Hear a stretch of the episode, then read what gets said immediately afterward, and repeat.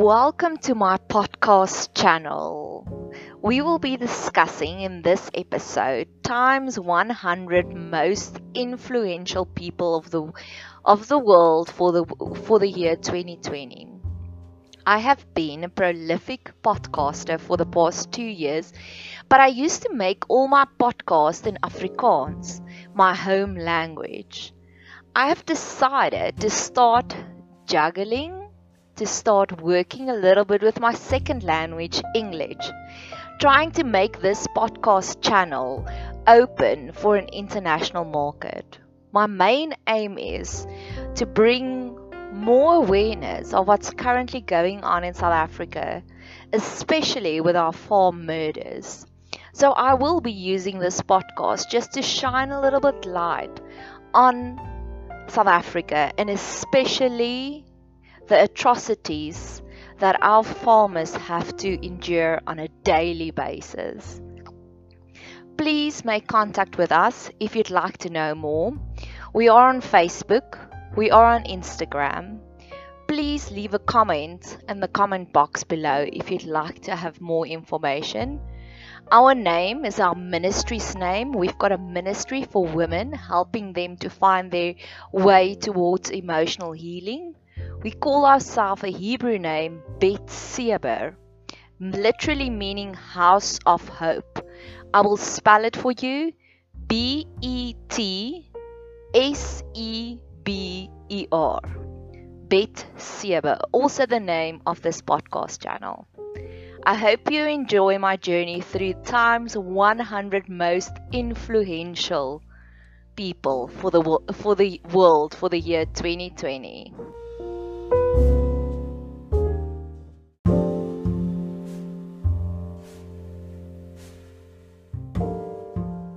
The Bible, just after Cain, Adam and Eve's son, had just murdered his own brother Abel, God appeared on the scene and he said, Cain, where is your brother Abel? Cain's response was the words that would utter to the end of times Am I my brother's keeper?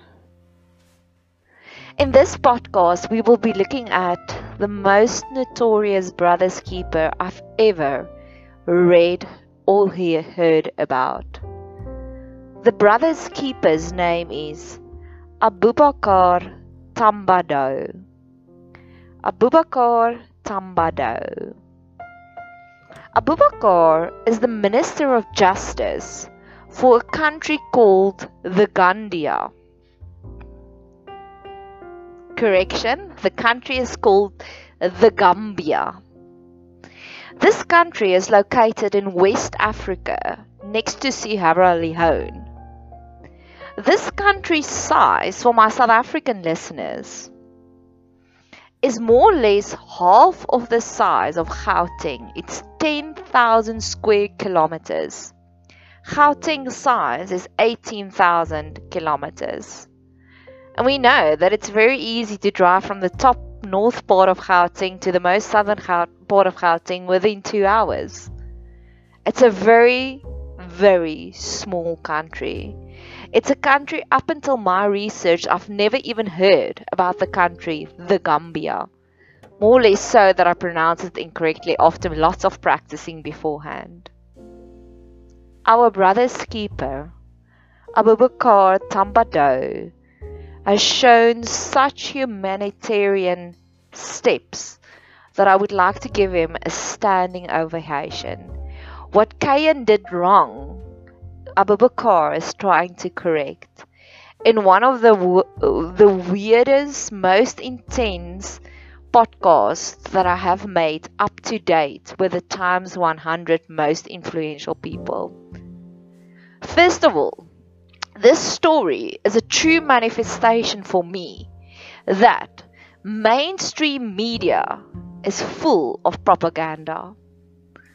I've always said it, I've always believed it, but this story, I can actually prove it to you. I'm going to call some names and tell me which ones you've heard about. Abubakar Tambadou, the country Myanmar, the people Rohingya, or George Floyd? Most of my listeners would say, Yes, I've heard about George Floyd, but I've never heard about any of the other names that you've just called. Why is it that one person's life is more significant than other people's? Many livelihoods, many generations that has been wiped out.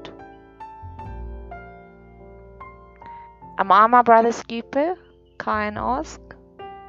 Abubakar's proof that he is his brother's keeper, not his physical blood brothers and keepers, but a nation 11 million kilometers far away from his home. He has been their savior. So please go and get yourself a cup of coffee. Because the story that I'm about to tell you took me two days to process before I felt that I have enough confidence to tell the story to my listeners. There is this country. The country is called Myanmar. The country is nestled in between Thailand and Bangladesh. In this country, Myanmar, more or less 90% of the Myanmar populations are Buddhist. And this is what makes the story even more weird, stranger. Truth is stranger than fiction. Because the picture that I have in my mind of the Buddhist religion is that it's peaceful. It's absolutely peace. I've read in meditation books that one of the meditation practices of the Buddhist is to go and sit in a swamp or a place where there's loads of mosquitoes and you go in such a deep state of meditation that even if there's one million mosquitoes sucking your blood dry, you don't even swat or swap at the mosquitoes. That's the level of peace that they are trying to accomplish. The Buddhist religion, everything that I've read about it, everything that I've witnessed, it's absolute peace and harmony with yourself, with your neighbors, with your community, with your environment. That was why I was so shocked to hear about the genocide that they are actively practicing actioning out towards the Rohingya people. The Rohingya people, the marginalized people. Once again, the Buddhist religion believes in caring for even the smallest thing.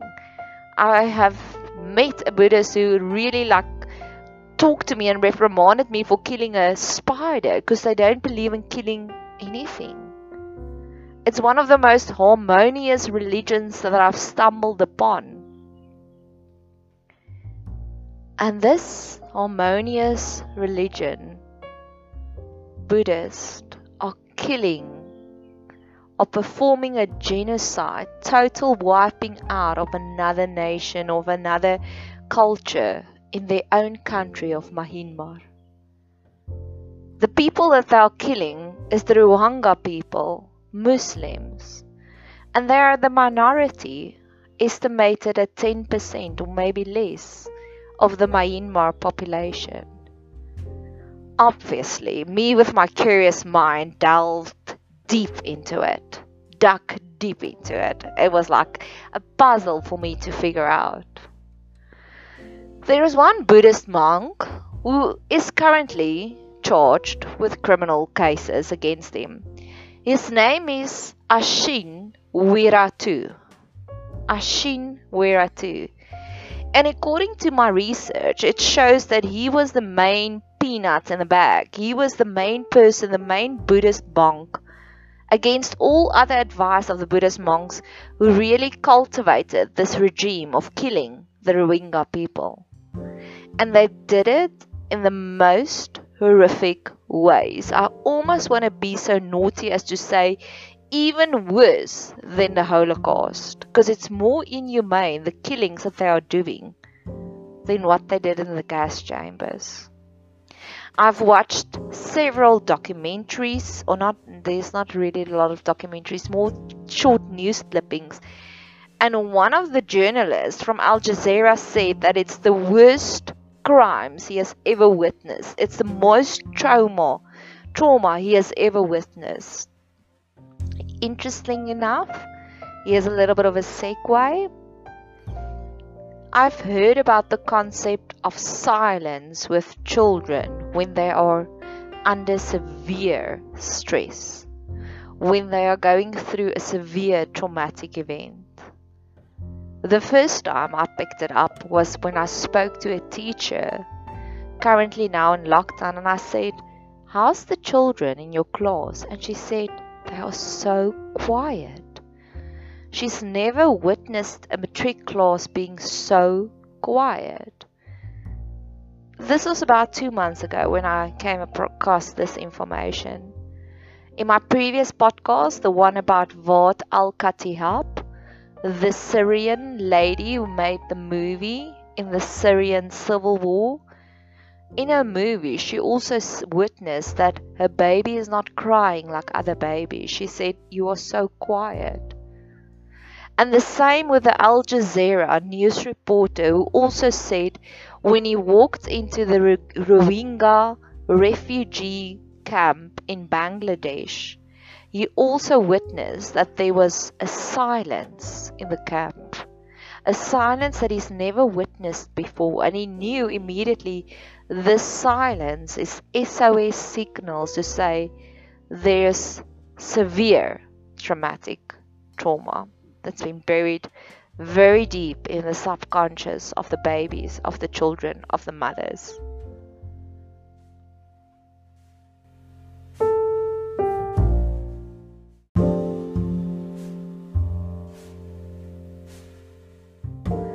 The Al Jazeera news reporter started reporting on the horrific acts that has been acted out towards the Rohingya people.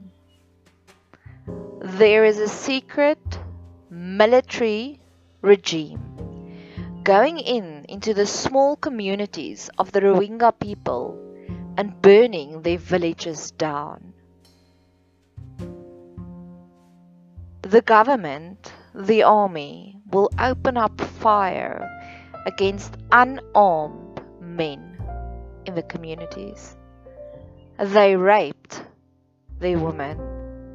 They threw their babies in the open fire. I have not heard about such horrific acts. The killings in Rohingya under the Rohingya nation has been estimated to be 24,000 deaths. One of my other passions in life is the Anglo-Boer War, where my ancestors were sent to concentration camps, and the estimation was that they wiped out 29,000 of us. It's roughly the same. Another figure that I can throw in here our country is in lockdown, our econ- economy is busy lapsing, and the total number of deaths is 19,000. There is more people killed in Rohingya than the COVID virus, assumingly killed in South Africa. 24,000 the rest of the Rohingya people was able to escape. And once again, I watched some news clippings. Those people look like skeletons because they had a, the Myanmar regime placed them under siege, trying to kill them off with starvation.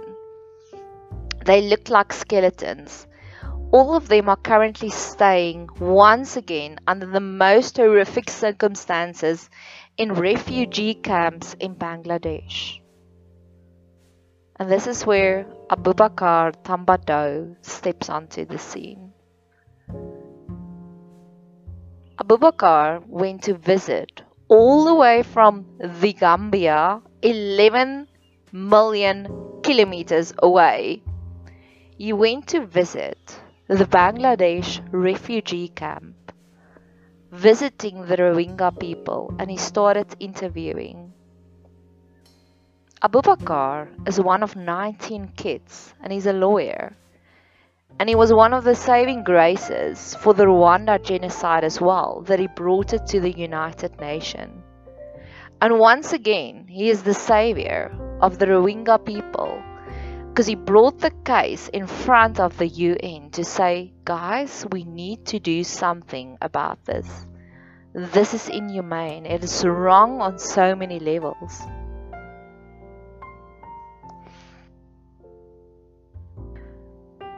In an interview I watched, and once again, my propaganda is I would like the world to know what's going on in South Africa, especially with the four murders, especially with our Afrikaner nation, my home language.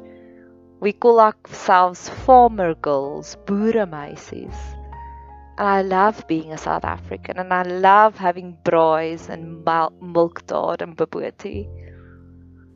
The first step Abu Bakr acknowledged in the genocide is he said they followed the same pattern as what they followed in Rwanda. There's a certain element of dehumanization that occurs.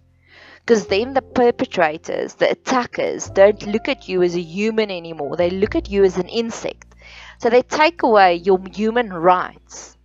And then it's easier for them to kill you like an insect. And I thought to myself, Boere meisie, Afrikaans speaking girl, this is what's happening in South Africa. Our rights are slowly but surely being stripped away from us. And is this the way forward? Is this what we are going forward? Recently, there was an incident in a small little town here in South Africa, in Senekal, where one of the opposition party leaders, Julius Malema, said, We have to burn all the farmers. And a week later, there was one of the biggest, most massive fires in a farmer community in Northwest and the Free State when I do research on the Times 100 most influential people and I stumble upon places like Syria, I stumble upon places like Myanmar and the Rohingya citizens, I can't help but ignore the facts that's so parallel with what's going on here in South Africa. So, Abubakar, we are begging you, please, the way that you're helping the Myanmars please will you extend the helping hand to us as well? Interesting enough, this is what makes this case this this whole story so complex like I literally I had to walk around for 2 days processing all of this information. One of the Myanmar diplomats which is currently involved with the UN when Abu Bakr brought the case and all the files and all the evidence in front of the UN, this Chinese lady, I'm going to try my best to say her name right, Aung San Suu Kyi, denied any facts of a genocide. Abu Bakr turned around in his interview and he said, Of course they will deny it. Once again, what's happening in South Africa?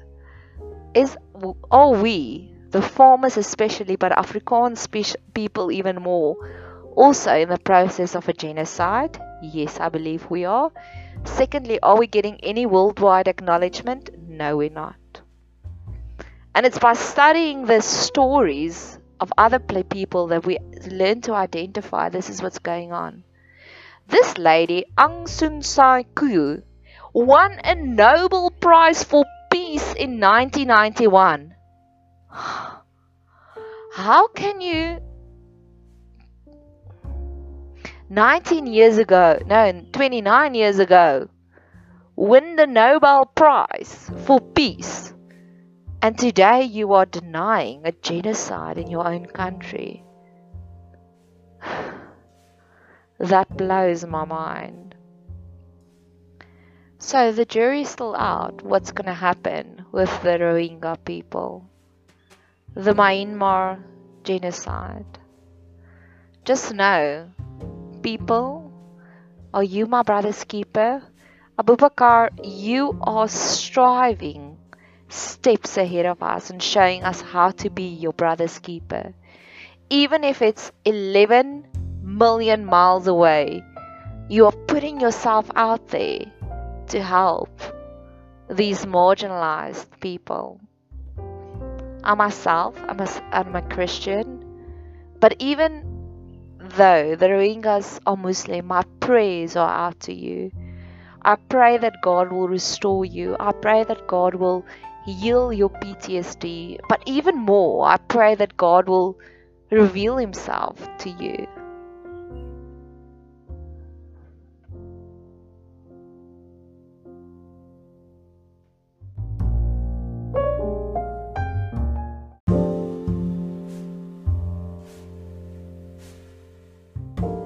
Jesus instructs us to pray for our enemies as well. Just as I know that there's lots of prayer campaigns for Julius Malema currently, and I'm confirming each one of them, I would like to pray for the villains in the story. Ashin Wirathu, the instigator, the Buddhist monk that went tainted. I pray for your healing as well. And then our Nobel Prize, Aung San Kyi, which is currently denying the genocide that's happening in our own country. May God touch your eyes as well. May He give you enlightened eyes. May His Holy Spirit condemn you of the denials that you're going through. Because I know you'll be a happier, more peaceful woman. Maybe there's another Nobel Prize in store for you if you correct the wrongs you've done. Abu Bakr, I'm praying for you as well. May God raise you up from heights to heights. I don't think I've ever heard about a Robin Hood story so far away from home. You've done it before with Rwanda, and I know you will do it again with Myanmar, and hopefully you will do it for us as well. I'd like to acknowledge the person who nominated him because on the Times 100 list, there's always somebody nominating this person. There's always somebody seeing what the person has done, what this most influential person has done. His nomination, Abu Bakr's nomination, was by Samantha Power. Please note, Power, not Powell, because I believe there's a Samantha Powell politi- politician as well with not such a good rep. We're not talking about him. Samantha Power was actually under the Barack Obama's the US ambassador for the UN. I've listened to a couple of her interviews as well. What a remarkable woman. Her whole being is just for human rights. So, once again, my prayer is Samantha Power, please hear about us, the South Africans, the farm murders. Hear about how we are marginalized currently, and please will you extend a helping hand to us. I have been labeled time and time again by someone to say I must be less idealistic and more pragmatic. I love the fact that Samantha Powers, pa- Samantha Power, last book is The Education of an Idealist, a memoir. If you've not heard about the book, and if you feel sometimes like me, overwhelmed by all the struggles that you have to face, please go and listen to some interviews with Samantha Power. I've yet, not yet been able to purchase the book, but she starts her memoir, her life story, with her first interaction with a male figure, her dad, being an alcoholic, and how she overcome those challenges. And this is actually what drove her, what catapulted her into becoming an idealist to say, this is what's wrong in the world. This is the humanitarian crisis that we have to face. This is what we need to do to be our brother or our sister's keeper. You are also your brother's keeper, and thank you for that. Thank you for the good fight that you fought with the Syrian war as well, because you acknowledged that quite a few times. And thank you for nominating Abu Bakr this is the story. Abu story, the Myanmar story, the Rohingya refugee story, the genocide. the modern day genocide. The last time we heard this word genocide was with Rwanda in 1994. And prior to that, the previous time we heard the word genocide was with the Holocaust in the 1940s in the Second World War. May we hear more about the Rohingya struggle than we hear about ex convicts George Floyd. I've spoken to people about this story as well, and nobody knows about it. People that love watching the news. Once again, it's a story about media propaganda, some invisible forces deciding what the rest of the world should know and what the rest of the world should not know. I started with a couple of words to say that there's media propaganda going on. I want to end with an acknowledgement to a local farmer lady that showed so much courage, so much faith. Marita Groenewald from Ficksburg, Eastern Free State. If you don't know South Africa, Eastern Free State is one of the most beautiful parts of our country. You're welcome to just go and Google Golden Gate and you will see the sandstone caves that we have. Marita Groenewald is a good friend of mine's family member. She was kidnapped by an ex-worker on their farm two weeks ago. She recognized the ex-worker and her first words were to him was, Why are you holding a gun in my home? He tried to clear out the safe, but that failed. He took her in a car, held her at gunpoint for almost the whole day. And they drove from ATM to ATM to withdraw as much cash as she could. While there was a big chase going on from her because at the point when he walked into her house and held her up a gunpoint, she was on the phone with her daughter, and the daughter immediately realized there's a distress. Marita Groenewald, your story, just like the Rohingya story, is a story of hope for us. May we hear more about the Marita Groenewalds than what we know the household name George Floyd. May we hear more about my brother's keepers like Abu Bakr and Samantha Power. May we just see more stories of hope.